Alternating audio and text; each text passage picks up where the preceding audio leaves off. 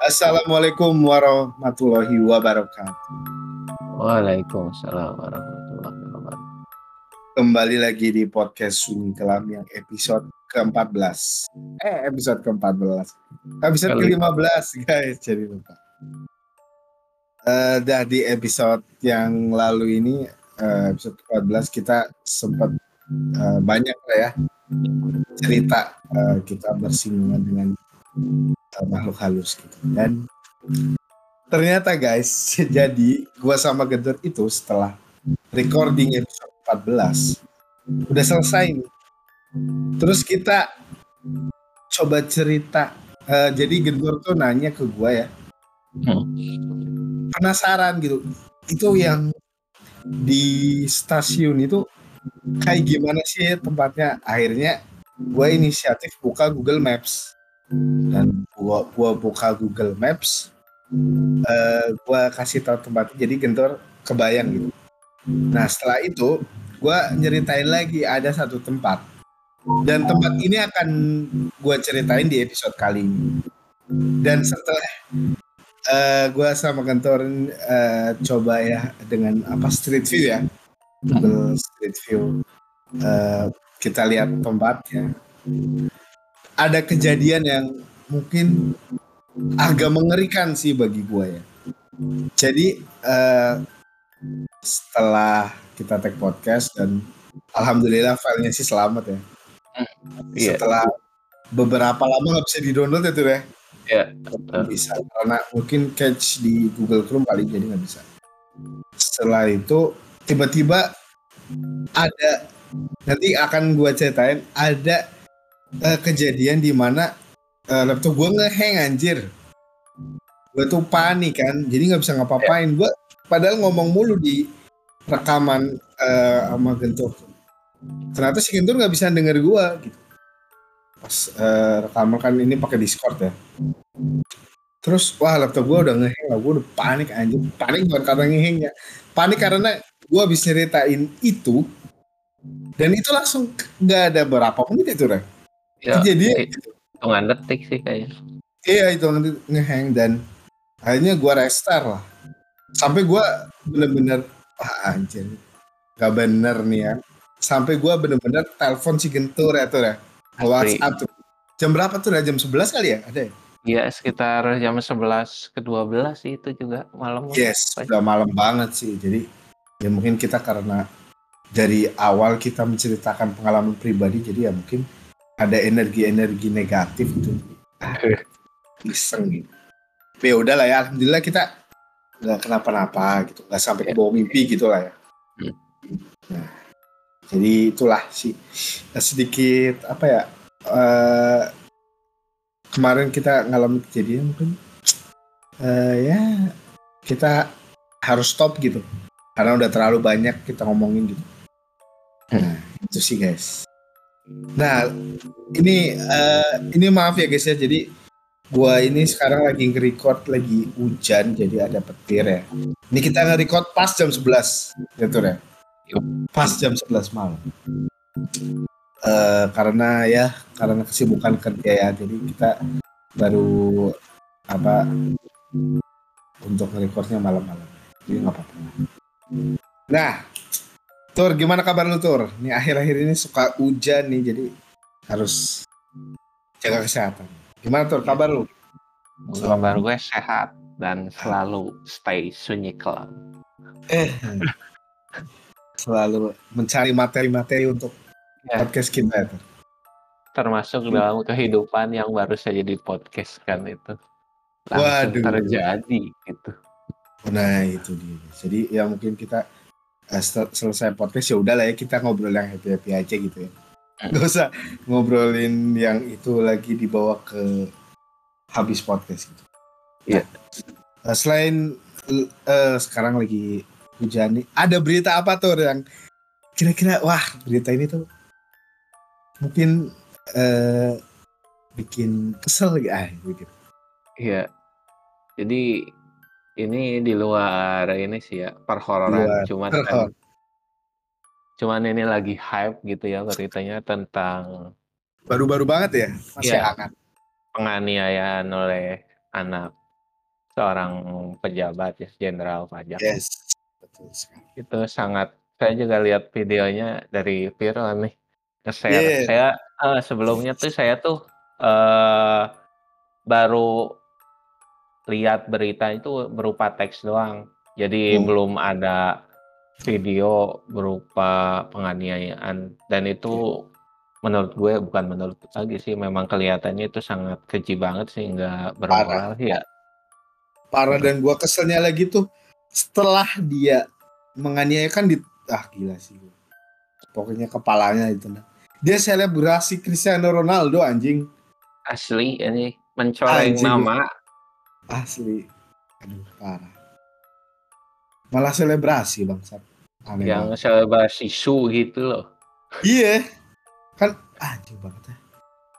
Terus fakta-fakta setelahnya kan waduh itu mungkin teman-teman yang udah baca berita sih tahu ya fakta-fakta yang wah kacau sih.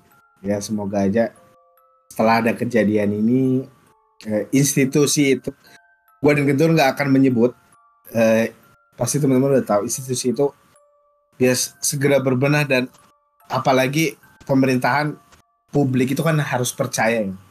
Ya. harus eh, punya kepercayaan lah, apalagi dengan tentang uang gitu loh itu kan sangat riskan banget buat eh, apalagi buat masyarakat gitu ya di mata masyarakat eh institusi yang keamanannya aja bikin masyarakat nggak percaya. Ditambah lagi institusi yang ini gitu. Jadi wah ya semoga inilah cepat kelar dan nggak ada oknum-oknum seperti itu lagi ya. Apalagi kan netizen netizen ini kan kalau dapat informasi kan cepet gitu ya langsung kesebar wah ke mana-mana. Jadi ya berhati-hatilah dan berbijaklah dalam eh, Ber- sosial rekam-rekam. media Ya. rekam-rekam itulah ya itu sih. Oke itu aja ya guys. Jadi nggak nggak perlu panjang lebar. Oke jadi di episode kali ini kita eh, gua sama Gentur ini akan mempersembahkan sebuah judul mungkin ah, jarang kali ya orang eh, mengalami ini ya. Jadi ini adalah judul yang terinspirasi dari kejadian kemarin. Anjir ngeri banget anjir. Jadi eh, judulnya adalah hantu warnet. Anjay.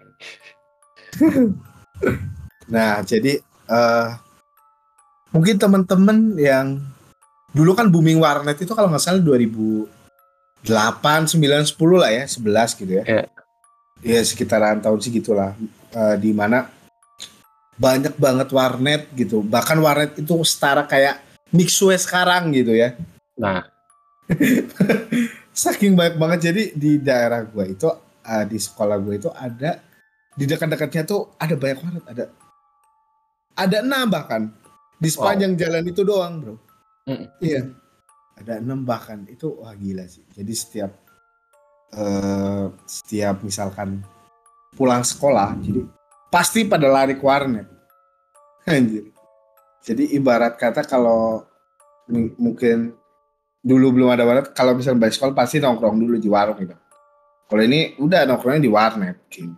jadi eh, bahkan sampai ada warnet yang apa ya istilahnya buat tempat mesum gitu loh guys ada Anjay. guys jadi eh, pernah disidak gitu jadi eh, biasalah kalau sis- eh, apa SMP SMA kalau misalkan jam lagi kosong gitu ya malah bolos ke warnet keluar ke sekolah sidak lah sama guru Nah, tuh guys mungkin eh, zaman sekarang mungkin ada lah ya warnet lah ya ada.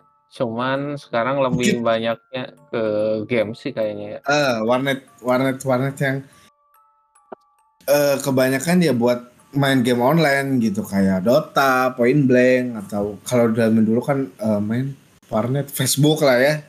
Oh. Eh Friendster bahkan kalau yang pernah ngalamin. Mic 33 bahkan dulu Mic 33 ya Messenger, Camfrog wah gua wah gua sih karena gua tahu itu eh gua lumayan bukan sering juga sih jadi gue emang pernah kerja di warnet guys jadi warnet nah mungkin uh, ini ada cerita ya dari Kaskus ya tuh ya. Yeah. Dan uh, ini menceritakan pengalaman uh, seorang operator warnet yang digangguin lah ya oleh uh, sesosok apa ya bisa dibilang hantu warnet gitu kan Oke, jadi Tur uh, bisa diceritain ini uh, kenapa okay. bisa diserang hantu warnet? Bukan diserang uh, apa musuh di PB tapi diserang hantu. Anjay. Oke. okay. Jika Oke, siap. Oke guys, jadi kita mulai aja. Jadi katanya sih ini ya, katanya true story nih, hantu warnet. Nah, oke okay guys, di kesempatan malam hari ini, Ane coba tulis cerita terbaru. Semoga cerita kali ini sedikit serem ya kan, sis. Dari cerita sebelumnya.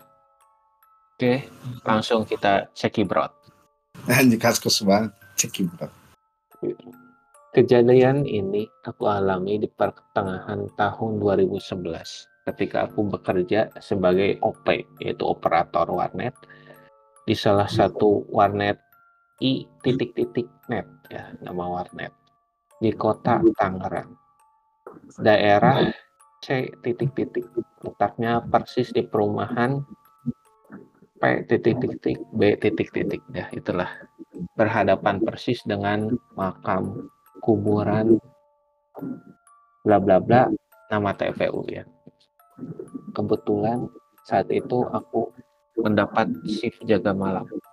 Selain aku yang berjaga di warnet, tempatku bekerja, ada dua orang temanku juga yang bekerja. Tetapi kebetulan mereka berdua sedang libur. Dan kebetulan aku yang dipercaya sebagai orang memegang kunci warnet dan mengatur jadwal. Karena kami bekerja bertiga, salah satunya ada keponakan si yang empunya warnet. Aku pun membuat jadwal yang aku rasa efisien. Aku buat satu dua atau satu hari kerja dua hari libur. Nah, di warnet tempatku bekerja Tepatnya di lantai tiga, lantai dasar dibuat seperti swalayan. Lantai dua dibuat seperti gudang untuk menaruh stok barang. Dan di lantai tiga sendiri barulah warnet. Nah, di samping warnet, di samping warnet tempatku ada ruko yang juga dibeli oleh perusahaan bla bla bla pizza dan sebenarnya lagi kebetulan sudah hampir satu tahun kosong lagi. Minggu malam Senin, tepatnya aku sedang mendapatkan shift malam. Seperti biasa, aku di meja operator sambil membaca cerita yang ada di forum Kaskus. Jadi, aneh dulu sebenarnya udah Kaskus dari tahun 2011. Cuma bikin tweet ngakak, nih aku lupa password dan sekarang tahun 2020 bulan Agustus nulis cerita orang. Lanjut aja. Dulu ketika anak-anak warnet kebanyakan main PB, bos, dan sebagainya, tak kenapa saya tidak sama sekali tertarik untuk bermain game yang kebanyakan dari mereka mainkan. Paling tidak, aku hanya bermain poker di PB, di FB ya, Kaskus dan logat. Dingin angin malam yang masuk di jendela yang berada di tepat di belakangku jadi teman malam. Yang aku rasa hampir itu sangat sepi dan hanya beberapa orang saja yang sedang bermain warnet. Nah, dari 20 VC hanya ada lima orang yang datang bermain malam itu. Dua dari tiga AC aku mulai matikan dan menutup jendela di dekat PC nomor 78. Pintu balkon tak lupa aku tutup. Sekitar pukul 11 malam, aku mendengar dua billing yang berbunyi, menandakan waktu mereka sudah habis. Mereka pun berdua beranjak dari tempat duduknya sambil berjalan keluar. Mereka pun berteriak, "Bro, balik ya!" Ucap mereka berdua sambil mengangkat tangan ke atas. "Oke bro, hati-hati." So. Setelah mereka berdua turun, aku lantas membersihkan tempat dia bermain PC. Tempat 3 dan 4. Setelah aku bersihkan dari bekas minuman, asbak rokok, menata bangku, setelah selesai, aku kembali ke meja operator. Sambil merokok, aku pun duduk sambil memandangi arah jalan dari jendela. Sambil sekali membuka billing dan mengecek situs atau permainan apa yang sedang mereka buka. Kebetulan warnet di tempatku billingnya menggunakan uh, teteh Eh, titik-titik net lah pokoknya nama provider. Aku mempunyai beberapa pelanggan tetap. Kadang mereka booking terlebih dahulu via telepon. Tapi entah kebetulan hari, hari itu mereka sedang tidak datang. Sekitar pukul 0 pukul 12 lah ya, aku mendengar lagi suara billing berbunyi dan dua billing lagi yang berakhir. Mereka beranjak sambil berjalan dan menyapaku. Ayo bro duluan, ucap mereka berdua. Yo bro, sahutku. Tinggal satu orang lagi yang tersisa. Tepat pukul 0.45 ya. 12 lebih 45. Uh, bunyi billing pun terdengar lagi. Kebetulan itu dari PC nomor 9 ya yang kebetulan dipakai oleh temanku. Terkadang dia sering membuka paket paket malam ya. Tapi hari hmm. itu dia hanya bermain dua jam saja. Namanya sebut saja Early. Nama disamarkan. Disamarkan. Early tak langsung pulang. Dia menghampiriku dan duduk sebentar seraya mengajakku berbincang. Lu masih jaga, ucap Early. Masih dul, kan sampai pagi, sahutku sambil menatap layar monitor. Yalah, mau jagain apaan lu? Gak ada yang main, tutup aja udah. Ucap Irlai sambil menyalakan sebatang rokok yang diambilnya dari rokok milikku. Ya udah, sini aja lu temenin gua, sahutku. Bukain billing ya, hehehe. Ucapnya sambil bercanda. Iya, ya udah main sana, nanti gua buk bukain billing. Balasku sambil berjalan mengambil minuman uh, soft drink ya, yang aku ambil dari showcase yang ada di depan sampai ke pintu kamar mandi. Enggak Nanti pagi gua mau antar bokin pacar ngelamar kerja mayan cuy daerah BSD bahaya kalau gua begadang ucapnya sambil berdiri dan beranjak untuk pamit pulang. Baik, duluan ya. Hati-hati ditemenin setan. Haha, ucap Irlai sambil menakut-nakutiku. Lu setan, hahaha, saatku meledek. Ketika Irlai pulang, keadaan menjadi sepi hening hanya terdengar suara musik yang aku putar dengan volume rendah. Aku pun bingung mau melakukan apa. Nah, akhirnya aku memutuskan untuk membersihkan semua PC dan membenarkan bangku, keyboard, dan lain-lain. Tak selesai sampai di situ, aku lalu melanjutkan menyapu semua ruangan. Setelah aku rasa sudah selesai, aku pun lanjut ke tempatku. Saat aku melihat jam, tepatnya jam 1.20 ya e, malam. Aku pun hanya lanjut membalas pesan messenger, memu pesan messenger, membuka blog dan kaskus. Tak lama berselang, waktu sudah menunjukkan waktu 1.30. Tiba-tiba aku merasakan tubuhku merinding, seolah-olah di samping kiriku ada sesuatu yang berdiri. Aku pun mencoba tidak menghiraukan dan lanjut ke layar monitorku. Di saat itu aku mencoba membuka jendela yang berada di PC nomor 7 dan 8, lalu memilih untuk mematikan AC. Singkat cerita, ya, dua jendela pun sudah terbuka. Sekitar menit 15 menit seakan aku merasakan ruangan itu benar-benar sepi dan hening dari jalan raya pun hanya beberapa kendaraan yang melintas. Nah, tepat pukul jam 2, aku mendengar suara yang berjalan menaiki anak tangga.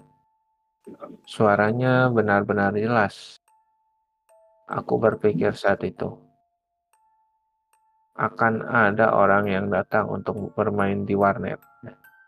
Suara langkah kaki itu terdengar sangat jelas dan berhenti tepat di depanku sekitar jarak 2 meter dari jendela operator dan anak tangga yang mengarah masuk ke warnet. Ah, sudahlah, mungkin itu hanya perasaanku saja, batinku saat itu. Sekitar lima menit berselang lagi, aku mendengar suara langkah kaki itu lagi. Dan terus mendengar berjalan sampai di bagian tengah anak tangga. Sambil ku tatap layar monitor, aku sempat melirik ke arah tangga itu. Aku menunggu sekitar satu menit, tapi suara langkah kaki itu pun tidak terdengar lagi. Dan tidak ada orang yang datang. Di sela aku mengintip dari balik layar monitorku, justru aku merasa seperti ada seorang yang sedang mengintipku. Nah, tapi lagi-lagi aku tidak menghiraukan. Walaupun kenyataan Aku sudah mulai tidak nyaman dengan situasi ada pada malam itu. Sempat ingin turun ke bawah, tapi badanku rasanya sangat amat berat untuk sekedar mengangkat. Kali saja rasanya berat, seperti ada sesuatu yang menahan. Kulihat jam sudah menunjukkan pukul 2.15. Dengan sangat terpaksa dan melawan rasa takut, aku memberanikan ke kamar mandi untuk buang air kecil. Kamar mandi letaknya tepat berada di samping meja kantor, dengan pintu yang menghadap ke PC. Terakhir yaitu PC nomor 20 berdekatan dengan showcase. PC nomor 18, 19, 20. Jika malam tiba, jika malam Tiba sekitar pukul 10 malam, lampu sengaja aku matikan. Hanya lampu tengah saja yang kubiarkan menyala. Jadi ruangan sebagian agak gelap. Selesai buang air kecil, aku pun kembali ke meja operator. Aku mencoba duduk tenang sambil berusaha melupakan hal apa yang baru saja terjadi. Alunan musik slow, rock, barat tahun 90-an pun masih aku putar dengan volume rendah sambil melakukan aktivitas di layar monitorku membalas komentar di pesan-pesan messenger. Aku ketika di mana aku sedang asik dan mencoba melakukan hal itu, justru aku mendengar dari arah tangga seperti ada seorang yang memanggilku. Derong, suara itu seperti suara laki-laki Suara itu asing dan tidak pernah aku dengar sebelumnya. Gondrong adalah nama panggilanku karena waktu itu rambutku gondrong dan sampai saat ini style rambutku masih tetap panjang atau gondrong sekitar sedada. Sontak suara itu membuat aku kaget. Dengan rasa penasaran, aku berusaha menoleh ke kanan dan ke kiri. Berharap benar ada orang yang memanggilku. Di saat aku merasa mencari, berusaha mencari sumber suara tersebut ya, aku mematikan musik yang sedang aku putar. Suara itu pun tiba-tiba memanggilku lagi. Suaranya halus, tapi samar-samar sedikit, seperti berteriak. Aku bingung menjelaskan di bagian ini. Gondrong. Aku sempat iya, aku sempat terdiam dan coba menjawab, "Hoi, siapa itu?" Dua kali aku berucap, sedikit berteriak. Suara itu justru menghilang. Aku pun memberanikan diri memutuskan untuk melihat ke bagian tangga.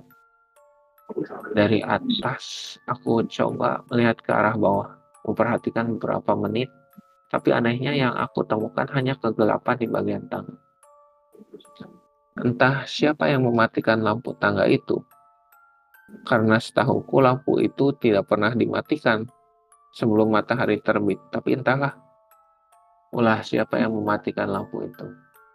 Ketika itu aku berniat untuk menyiapkan ya lampunya untuk menyalakan lampunya.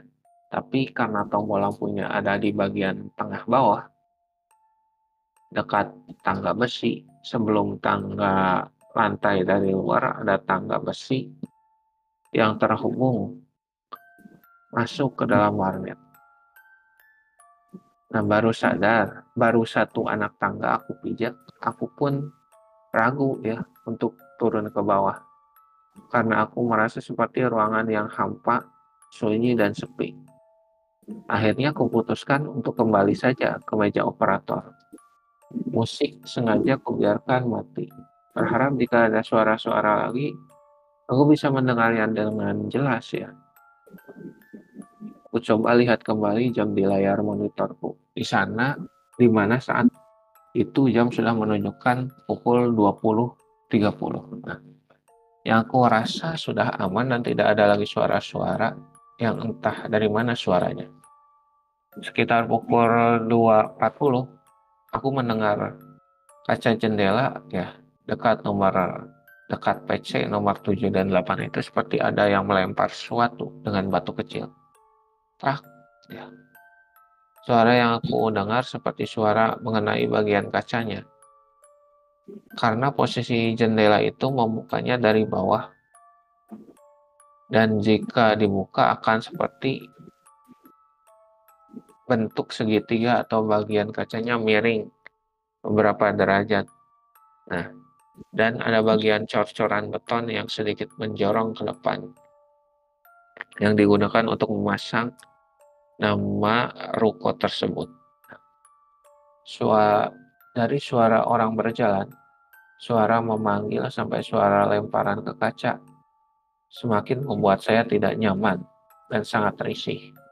Bingung antara bertahan di ruangan atau turun ke bawah. Pada akhirnya, aku memutuskan untuk kembali ke meja operator. Tak lama berselang, aku duduk. Lalu aku mulai dikejutkan lagi oleh suara lemparan di mana aku menemukan batu itu masuk ke ruangan warnet dan aku berpikir saat itu rasanya sangat mustahil kalau memang ada seorang yang melempar batu sampai itu masuk ke dalam ruangan karena melihat bangunan dan posisi kaca ketika di muka saja rasanya sangat tidak mungkin ya batu itu bisa masuk ke ruangan tambah ada bagian beton untuk pamflet nama ruko, posisi jendela pun terhalang ya. Oleh penghalang pembatas dari PC ke PC. Sekedar info ya, posisi PC warnetnya letter U ya katanya. Dan setiap PC dibuat seperti ruangan kotak. Dan ada pembatas seperti sekat di bagian depannya. Jadi yang bermain warnet masuknya harus miring yang bisa dibilang safety warnet safety warnetnya. Jadi mereka merasa nyaman karena tertutup. Ditambah pembatas antara PC lumayan tinggi. Yang di mana kalau posisiku berdiri kurang lebih sebatas bahu, hampir leher. Kalau posisi kita duduk menggunakan bangku, ya, paling tidak hanya rambutnya saja yang terlihat. Nah, Aku mencoba mencari batu ya, yang aku dengar jatuh di tepat di lantai. Aku pun menemukan Batu itu persis berada di PC nomor 3 ya. Sedikit menjorong ke dalam. Tepat di kaki bangku, aku pun mencoba mengambil batu itu. Ukuran batu itu kecil kira-kira seukuran kelereng ya, yang biasa digunakan antar anak-anak bermain. Wah, nggak beres ini mah. Udah Gimana caranya coba? Seraya aku bertanya, bingung dalam hati. Aku langsung menutup jendelanya. Setelah selesai, aku berjalan menuju mejaku. Aku pun duduk sambil merasa lemas di sekujur tubuhku.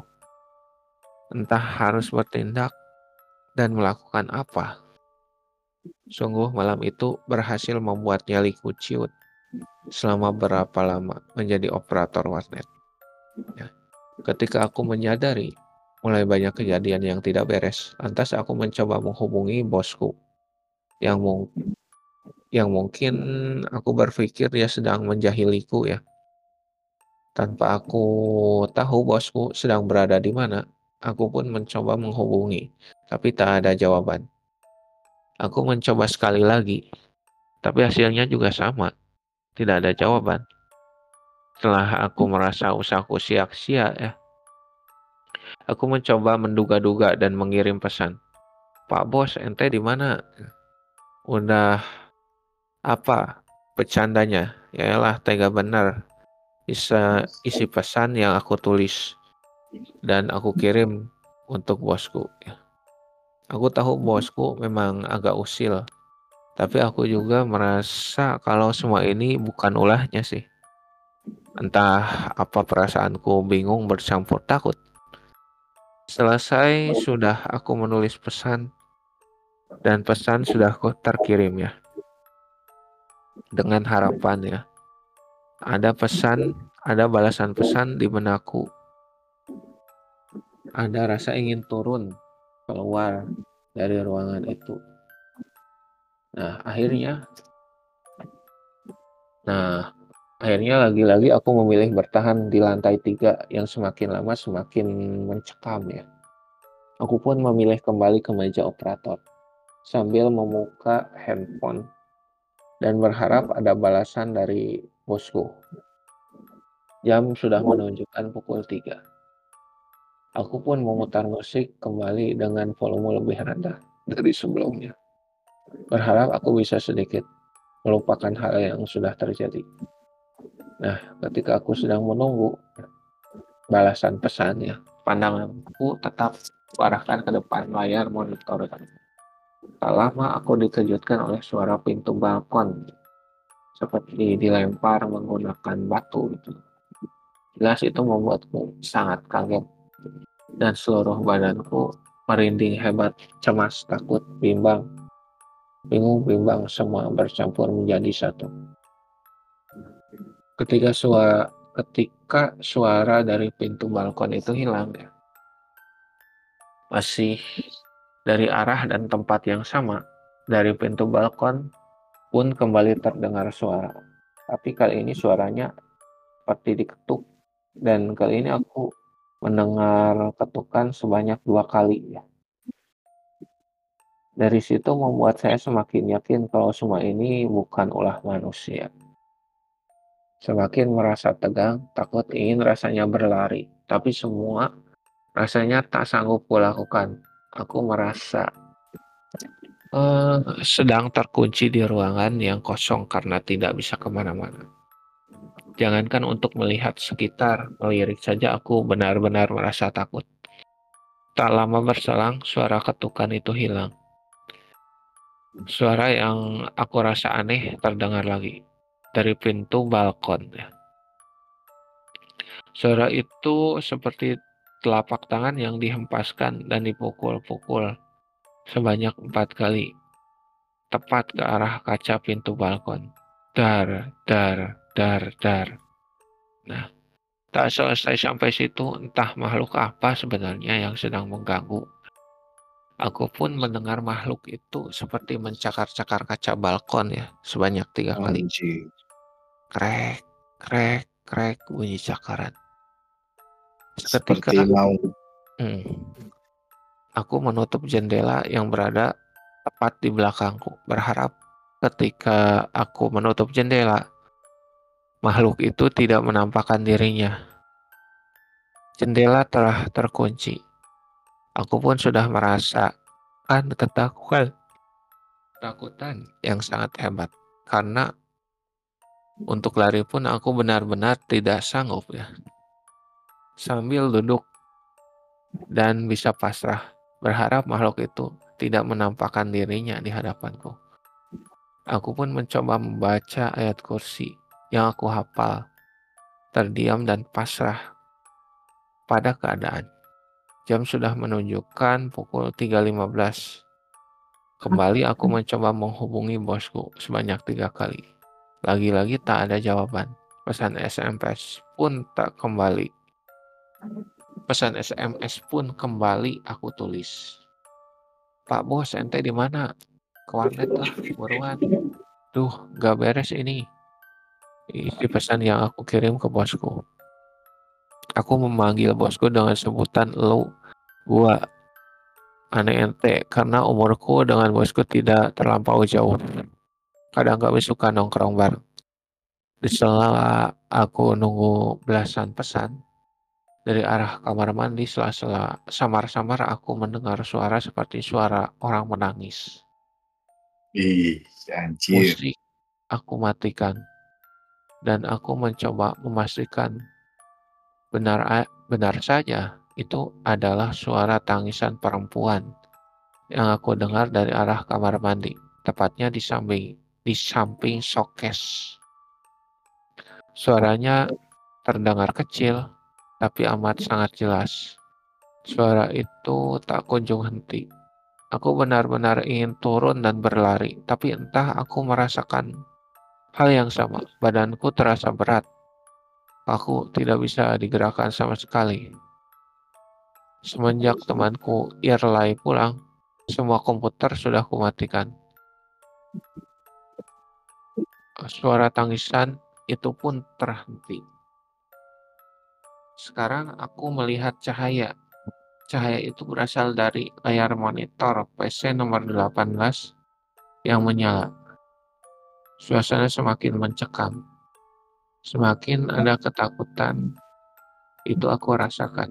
Semakin tidak ada daya untuk melakukan sesuatu.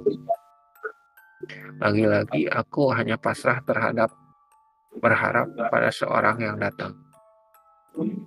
Tak selesai sampai di situ, aku juga mendengar suara seperti mouse yang diklik beberapa kali. Suasana, suasana pun semakin mencekam karena malam itu adalah malam yang sangat buruk untukku. Tak lama PC 18 tiba-tiba mati. Sekarang aku melihat cahaya lagi di PC 8. Kejadian ini sama seperti yang terjadi di PC 18. Tapi kali ini aku mendengar aku dengar adalah suara keyboard di mana seorang yang sedang mengetik. Anjir. Nah, tuh bener tuh. Uh, curi main komputer kayak curi main komputer oh Tuhan apalagi ucap batin takut lalu komputer itu pun mati disusul suara keyboard yang berhenti. Aku tidak membayangkan kalau saja billingnya ikut menyala. Tapi syukurlah hal itu tidak terjadi. Tak lama suara perempuan kembali tak lama ya. Suara perempuan kembali menangis. Suara itu pindah dan persis berada di sebelahku, tepatnya di PC 11. Ya. Suatu satu menit berlalu, tangisan pun menghilang. Tatapanku mulai kosong, penuh ketakutan. Takut sesuatu terjadi kepadaku. Tak lama, aku dikagetkan oleh suara yang berasal dari tetangga, dari tangga ya. Suara itu semakin lama semakin aku rasa sangat dengar dekat di telinga. Suara pun berakhir di ujung anak tangga. Seorang seseorang pun mengagetkanku. Iya, Dia adalah bosku. Kenapa kau pucat muka lu? Usapnya. Aku memilih diam dan tidak menjawab. Hehehe. Kenapa? Ada apaan sih? Khas dengan gaya bicaranya. Aku mencoba berusaha uh, khas dengan gaya bicaranya mencoba berusaha bertanya kepadaku. Ah, parah, parah, sahutku sambil menahan takut. Ya, ada apa? Gue tadi habis antar Naura, nama pacar bosku. Tadi lu telepon gue, gue tahu, tapi gue sengaja nggak angkat, jawabnya lagi. Ah, sumpah, untung lu datang, gue udah mau pingsan, sahut, sahutku sedikit agak tenang. Singkat cerita, aku mencoba menjelaskan hal yang terjadi, tapi dia seakan tidak percaya. Aku terus mencoba meyakinkan di tengah aku sedang menceritakan suara tangisan terdengar lagi. Suaranya ter berasal dari arah tempat soket.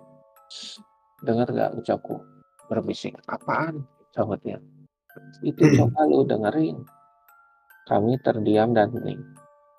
Mencoba mendengar, memastikan kalau itu benar suara wanita yang sedang menangis. Dan benar saja kalau itu adalah suara wanita yang sebelumnya aku dengar. Uh, bosku lantas berjalan ke arah sokes dan berkata agak tenang, agak tenang. Heh, Siapa itu? Gak usah ganggu, gak usah nakut-nakutin. Prak, prak. Ku dengar suara tendangan. Aku pun lalu mencoba mendekati bosku, mencari tahu apa yang sedang ia lakukan. Di sini kita nggak pernah ganggu ya. Di sini kita nyari duit. Gak usah ganggu Yes. aku. Benar. Karyawan gua ganggu-ganggu karyawan gua. Sekarang lu pergi, ucap tegas. Suara masih terdengar. Ye, ngeledek lu ya, ucap bosku marah. Dua kali tendangan lagi, dua kali tendangan lagi-lagi dihempaskan ke bagian tumpukan kardus bekas minuman. Tak lama suara hilang. Singkat cerita, aku mencoba menengok ke PC 18 dan benar aku menemukan mos yang sudah menggelantung. Lalu aku berjalan ke PC 8. Kulihat semua masih rapi pada tempatnya.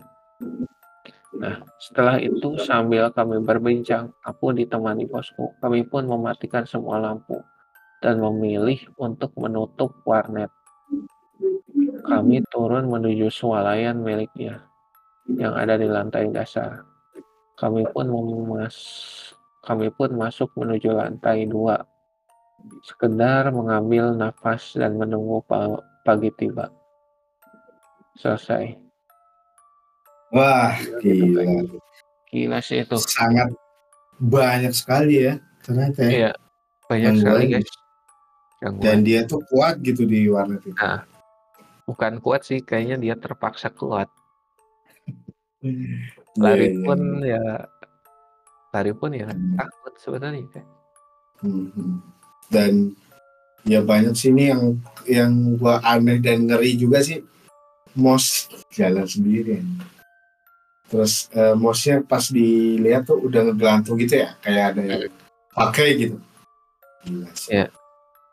Dan eh, inilah yang mungkin bagi para operator wanita yang suka jaga shift malam ya, mungkin eh, pernah juga mengalami seperti ini. Dan ini juga lumayan panjang juga tuh ya tripnya dan Iya. banyak kejadian juga kayak cakar-cakar kaca balkon sampai ada ketawa dan bahkan pas ada bosnya juga Masih, Masih- ada. diganggu ya. Iya.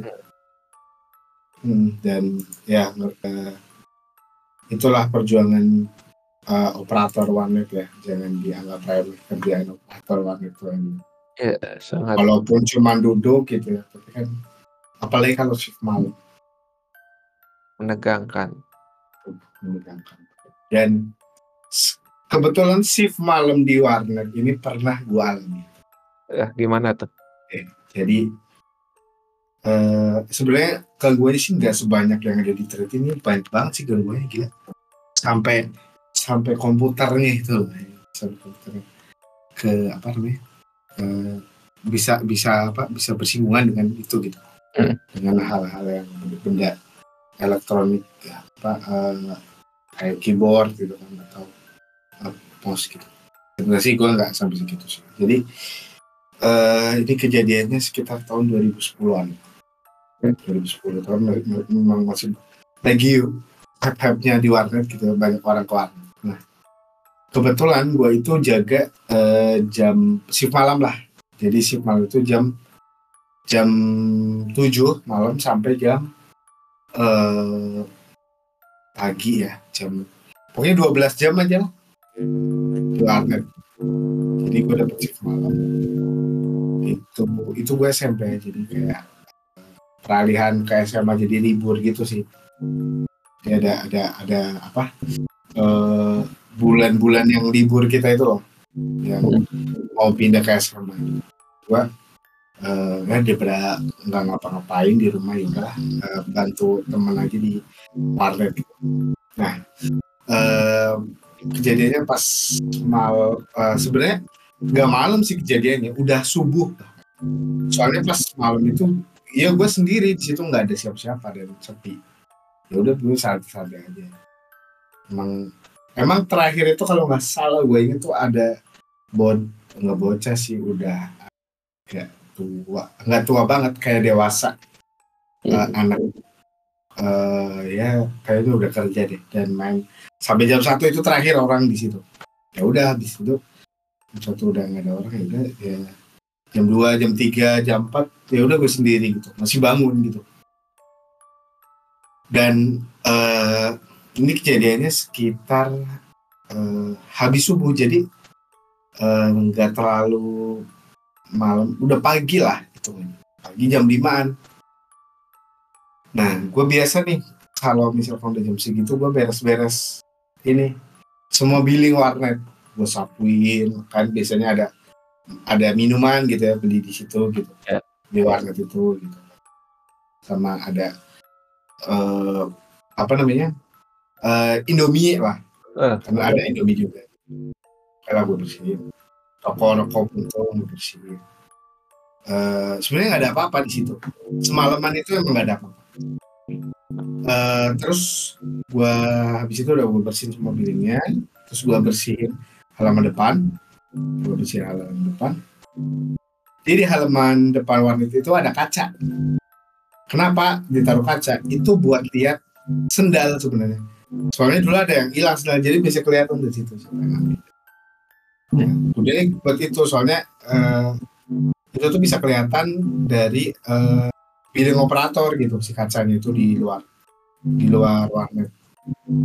Gue taruh di situ kan. Gue sapu-sapu aja di situ nyapu di situ. Enggak enggak lama gue lihat kok ada cewek jalan.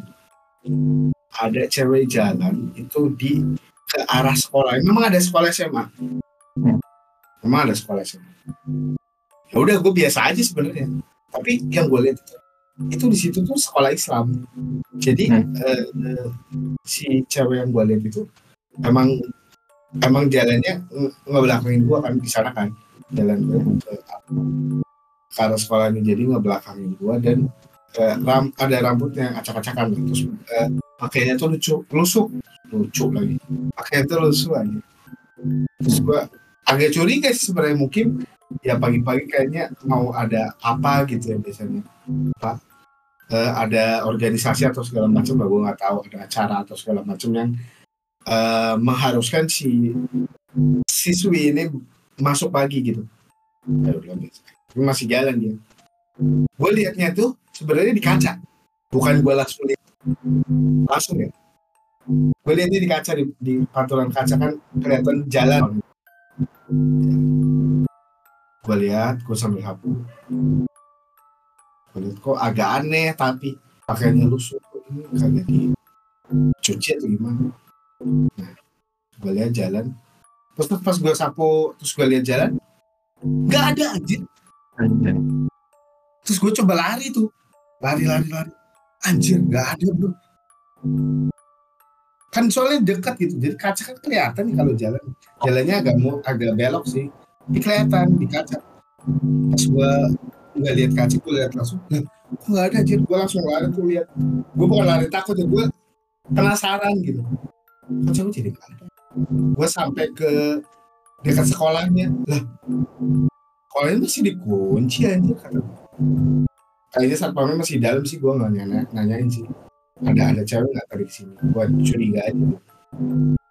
Ah masih dikunci kan karena dan itu pun masih masih apa ya masih gelap gitu. Limaan dan ya lampu jalan masih masih nyala gitu.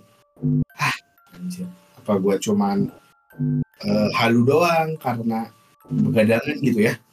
Udahlah gue balik lagi ke warnet. Terus gue bersih bersih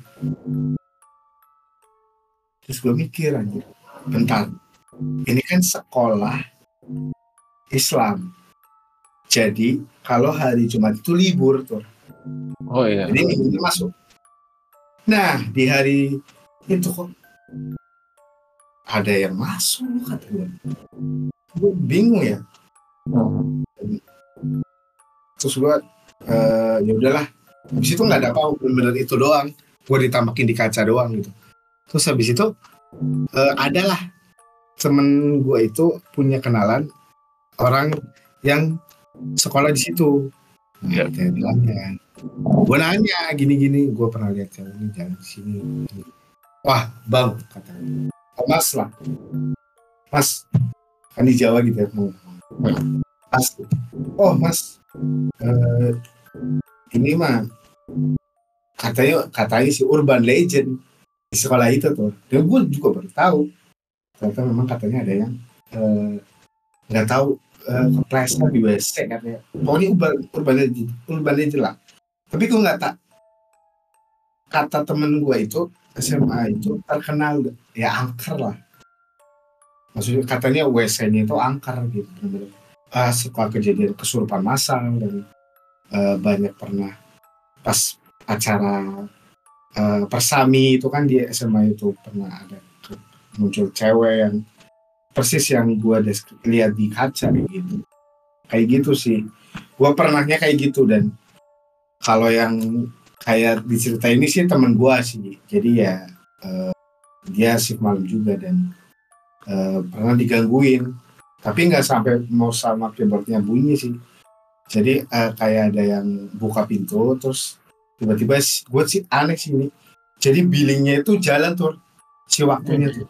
Tahu kan lo Iya, iya. nah itu jalan lah. Tapi kan sebenarnya pas temen gue itu udah ngecek sebelumnya itu masih ingat. Jadi billingnya tuh semua mati nggak ada orang yang main. Jadi kalau ada yang main dan eh, paketnya jalan. Dan pas temen gue ngecek si eh, monitor PC-nya itu. Itu udah ke login anehnya tuh anjir. Kan biasanya kalau temen-temen nih tahu nih kalau main warnet ya. Kan pertamanya billing lumba-lumba doang kan. Ya kan? Nah terus ada pilihan tuh prepaid. Kan biasanya eh, prepaid tuh eh, kita udah bayar dulu tuh ke si operator. Jadi ntar berapa jam gitu. Atau ada yang eh, main berdasarkan ya misalkan mau hitungannya menit gitu atau ada yang eh, pakai bulanan gitu nah si itunya tuh dari nggak nggak si apa tampilan awalnya tuh udah nggak dibiling jadi udah masuk ke desktop anjir kan Nah, iya. Gila itu. Aneh banget sih, aneh banget. sih. Jadi ya itu aja sih guys. Da- tadi Gentur juga cerita udah banyak banget. Eh, dan ceritanya juga lumayan ngeri ya. Dan terjadi berkali-kali. Ya itulah guys, Eh, suka duka jadi operator warnet. Mungkin eh, zaman sekarang sih udah jarang warnet ya. Jadi ya mungkin ada lah beberapa. Tapi pasti warnetnya warnet gaming dan itu 24 jam dan pasti ramai terus gitu. Jadi ya nggak bakal sepi seperti Bakal- ya, Ya, seperti dulu. yes itu aja ya dari gue sama Gentur Ya. ya mungkin kalau ada salah-salah dari tadi eh, kita cerita ada yang saya mohon maaf karena kita tag jam 12 hampir ya ini. Jadi ya, habis hampir jam, jam 12 jam 11 sampai jam mau ke 12 jadi itu aja guys. Uh, dari gua sama Gentur ya kurang lebihnya mau dimaafkan. Wabillahi taufiq walhidayah wassalamualaikum warahmatullahi wabarakatuh. Waalaikumsalam.